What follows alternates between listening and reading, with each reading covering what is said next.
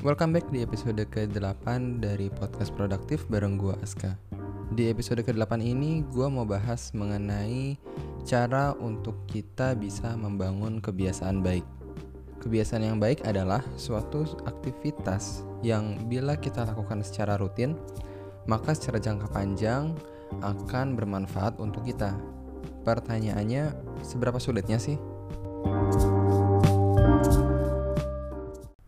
Pada saat podcast ini dibuat, sekarang masih awal bulan Maret. Dan beberapa dari teman-teman pasti ada yang membuat resolusi untuk tahun 2020. Nah, beberapa contoh resolusi yang paling sering orang bikin itu adalah untuk hidup lebih sehat atau mencapai suatu target finansial tertentu. Well, untuk mencapai tujuan tersebut atau tujuan apa pun yang teman-teman bikin, tentunya ada proses dan proses yang berulang untuk mencapai suatu tujuan positif bisa kita sebut sebagai kebiasaan baik atau good habit. Pastinya kalau kita mau lebih sehat, contoh, kita bisa mulai dari membiasakan olahraga, membiasakan makan sehat, membiasakan tidur cukup, dan sebagainya. Begitu juga dengan tujuan untuk mencapai target finansial tertentu. Kita bisa mulai dari membiasakan menabung, membiasakan berinvestasi, membiasakan hanya membeli barang yang bila diperlukan saja dan sebagainya. Ya kecuali kalau misalnya pendapatannya berubah ya. Nah, oleh karena itu untuk mencapai tujuan tertentu yang memerlukan perubahan kebiasaan, apalagi kebiasaan baik, memang tidak mudah karena sebenarnya manfaat dari kebiasaan baik umumnya baru akan dinikmati setelah kita melakukan uh, sekian waktu ya. Jadi setelah jangka waktu lama kita lakukan, baru manfaatnya bisa kita rasakan. Sedangkan kebiasaan buruk relatif memberikan rasa senang atau kepuasan secara instan yang sebenarnya dipicu oleh hormon dopamin di dalam diri kita. Namun hati-hati, dalam jangka panjang justru kebiasaan buruk akan merusak diri kita atau setidaknya membuang waktu kita sia-sia. Hal ini konsisten dengan penjelasan James Clear Uh, jadi James Clear ini adalah seorang penulis buku berjudul Atomic Habits, Tiny Changes, Remarkable Results. Jujur gue belum baca bukunya, tapi gue um, udah dengar dia diundang ke podcast di HBR. Nah, berikut adalah apa yang dia sampaikan di sana. The cost of your good habits is in the present. The cost of your bad habits is in the future. And a lot of reason why bad habits form in instant and good habits feels hard to form has to do with that gap in time and reward. Jadi teman-teman, kata kuncinya lagi yang disampaikan James Clear adalah gap in time and reward. Artinya, gue pengen tekanin sekali lagi, manfaat kebiasaan baik itu baru akan kita rasakan di masa yang akan datang. Sedangkan kebiasaan buruk relatif kepuasannya itu bisa langsung terasa walaupun secara jangka panjang biasanya buruk untuk diri kita. Sekarang gue akan bahas bagaimana cara untuk membiasakan kebiasaan baik. Uh, tapi sebelum itu uh, ada dua hal yang menurut gue penting untuk kita pahami terlebih dahulu. Yang pertama, kita harus tahu tujuan dan target kita sendiri baik secara profesional maupun di lingkungan personal kita. Yang kedua, pahami dulu nih rutinitas kita dan bagaimana kita saat ini mengalokasikan waktu kita sehari-hari. Nah, mengapa hal ini penting? Karena rutinitas yang sesuai dengan value dan prioritas kita, maka ketika kita menjalaninya relatif akan lebih mudah. Kemudian, dengan kita memahami terlebih dahulu rutinitas kita yang ada saat ini, maka akan mempermudah kita memetakan kebiasaan-kebiasaan baik apa yang bisa kita bangun dan kebiasaan buruk yang harus kita hilangkan. Nah, eh, bagaimana cara gue memahami dulu di awal-awal? Gue pernah melakukan semacam audit rutinitas gue sehari-hari dengan suatu aplikasi di iPhone. Well, nggak usah harus dengan aplikasi, yang penting dalam sehari teman-teman kebayang apa yang kalian lakukan. Cuma memang uh, eh, gue hanya melakukan ini kurang lebih sekitar tiga bulan karena hal ini setelah tiga bulan udah mulai kelihatan polanya dan justru uh, aktivitas ini malah menghabiskan waktu gue.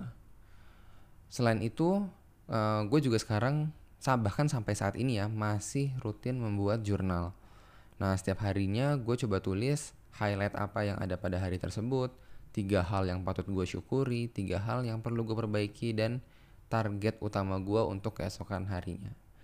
Kemudian gue juga secara rutin cek pemakaian handphone gue, apalagi kalau uh, teman-teman ada yang pakai iPhone, Apple, uh, itu sebenarnya kita bisa nge-review screen time harian. Nah kalau gue pribadi sih nge-reviewnya paling cuma seminggu sekali.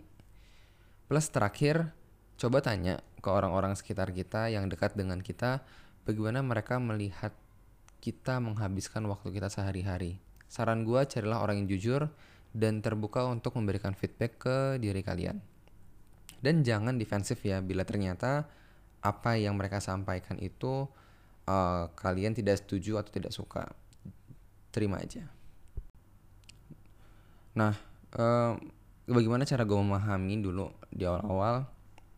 Gue pernah melakukan semacam audit rutinitas gue sehari-hari dengan suatu aplikasi di iPhone. Well, nggak usah harus dengan aplikasi, yang penting dalam sehari teman-teman kebayang apa yang kalian lakukan. Cuma memang uh, eh, gue hanya melakukan ini kurang lebih sekitar tiga bulan karena hal ini setelah tiga bulan udah mulai kelihatan polanya dan justru uh, aktivitas ini malah menghabiskan waktu gue. Selain itu, uh, eh, gue juga sekarang bahkan sampai saat ini ya masih rutin membuat jurnal. Nah setiap harinya gue coba tulis highlight apa yang ada pada hari tersebut, tiga hal yang patut gue syukuri, tiga hal yang perlu gue perbaiki, dan target utama gue untuk keesokan harinya.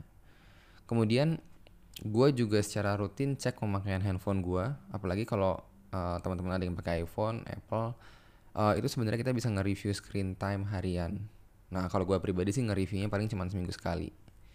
Plus terakhir, coba tanya ke orang-orang sekitar kita yang dekat dengan kita, bagaimana mereka melihat kita menghabiskan waktu kita sehari-hari. Saran gue carilah orang yang jujur dan terbuka untuk memberikan feedback ke diri kalian.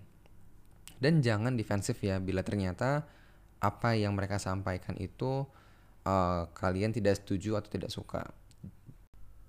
Oke, okay, disclaimer dulu ya. Saat ini gue sejujurnya juga masih berusaha untuk bisa tetap konsisten membiasakan kebiasaan-kebiasaan baik gue. Tapi memang membiasakan good habits itu perlu waktu karena kebiasaan baik adalah sebuah proses. So, apa yang akan gue sampaikan selanjutnya sebenarnya juga sebagai pengingat untuk diri gue sendiri. Dari apa yang udah gue baca dan gue pelajari, gue menyimpulkan ada tiga fase yang sebaiknya kita lakukan untuk membentuk kebiasaan baik yang bisa dikerjakan secara konsisten. Fase pertama adalah pahami diri kita sendiri terlebih dahulu. Maksud gue, sebaiknya kita memiliki tujuan jangka panjang dan paham apa prioritas kita. Nah, hal ini penting sehingga kebiasaan yang akan kita bangun itu sesuai dengan tujuan dan prioritas di hidup kita.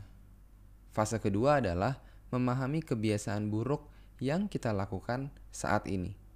Hal ini penting karena dengan menyadari apa kebiasaan-kebiasaan buruk kita, maka kita bisa membuat rencana cara mengurangi kebiasaan buruk tersebut.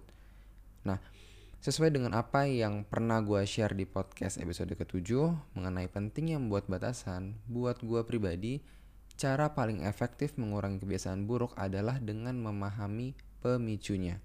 Kemudian dibuat batasan antara diri kita dan pemicu kebiasaan-kebiasaan buruk yang kita lakukan. Finally, di fase ketiga adalah mulailah melakukan kebiasaan baik yang kita inginkan. Tentunya setelah menyelesaikan uh, kedua fase sebelumnya, diharapkan kita bisa dengan lebih mudah melakukan kebiasaan-kebiasaan baik.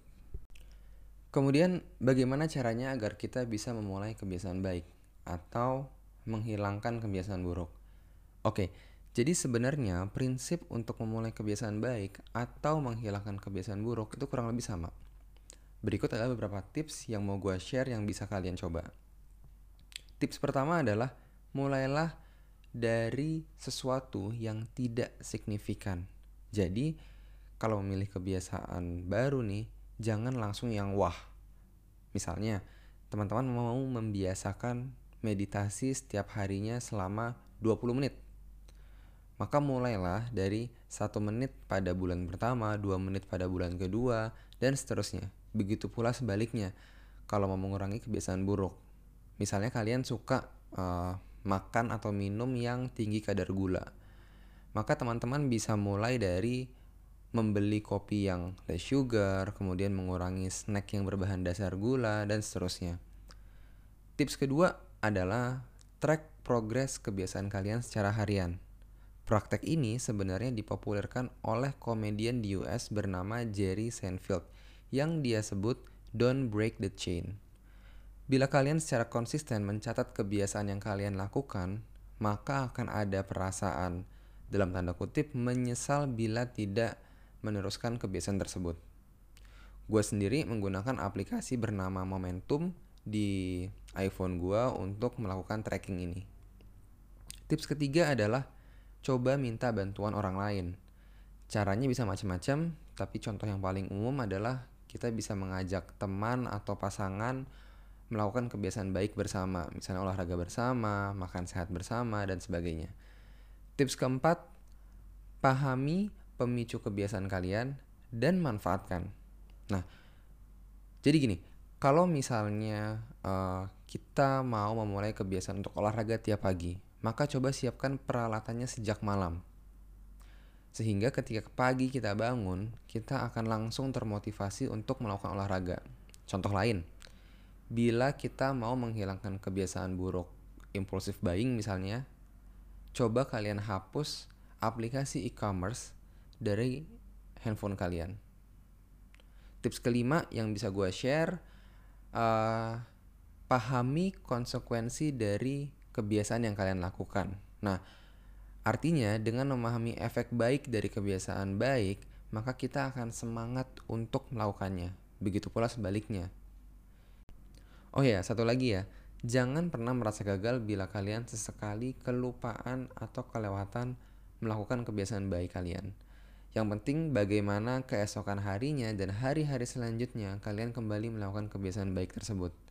Kalau kata Winston Churchill, Kegagalan itu bukan akhir dari segalanya, tapi keinginan untuk terus melanjutkannya itulah yang dinilai. Oke, jadi pada podcast episode kali ini kita udah bahas mengapa melakukan kebiasaan baik itu lebih sulit dibandingkan melakukan kebiasaan buruk. Hal ini tidak lain karena adanya gap antara kapan kebiasaan tersebut dilakukan dan kapan rewardnya kita rasakan. Gue juga udah share pentingnya memahami diri kita sendiri sebelum kita memulai atau membangun kebiasaan baru yang lebih baik.